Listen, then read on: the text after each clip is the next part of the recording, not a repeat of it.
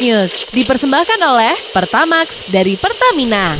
Buat para pekerja di DKI Jakarta siap-siap nih sama aturan baru yaitu kerja mulai siang hari. Jadi Polda Metro Jaya ini katanya tuh lagi ngajakin rembuk berbagai pihak terkait untuk ngegolin rencana pemberlakuan jam kerja siang gara-gara kemacetan lalu lintas terutama pagi-pagi. Udah gila-gilaan cuy. Asli Bel, ini aja kita mau take news pagi-pagi. Gue jalan jam 8 nyampe jam 10. Tuh kan soalnya rumah lu memang di Banten ya Pak Aduh, ujung kulon bu lebih tepatnya. Eh tapi beneran nih kerjanya siang-siang. Jadi nggak ada kata kesiangan dong. Ya istilah kesiangan itu kan artinya telat Jadi kalaupun lo masuk siang Tapi lo telat Ya namanya kesiangan. Jadi siapa aja nih yang ikut berembuk untuk hal ini? Ada perwakilan Kementerian Tenaga Kerja Menteri PAN dan Reformasi Birokrasi Kementerian Dalam Negeri Pemda DKI Sama Apindo. Tapi emang beberapa tantangan itu harus dihadapi sih. Kalau misalnya rencana ini terrealisasi Kayak dukungan transportasi yang memadai Armada jam-jam malam gitu kan Di mana sekarang kan udah mulai berkurang.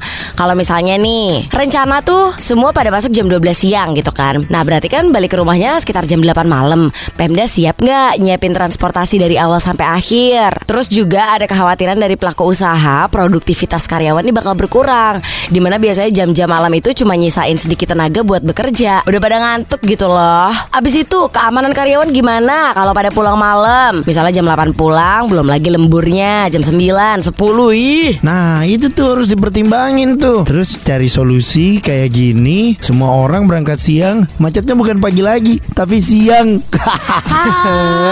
Samiun aja sih, EKE sama aja. Prambors News dipersembahkan oleh Pertamax dari Pertamina.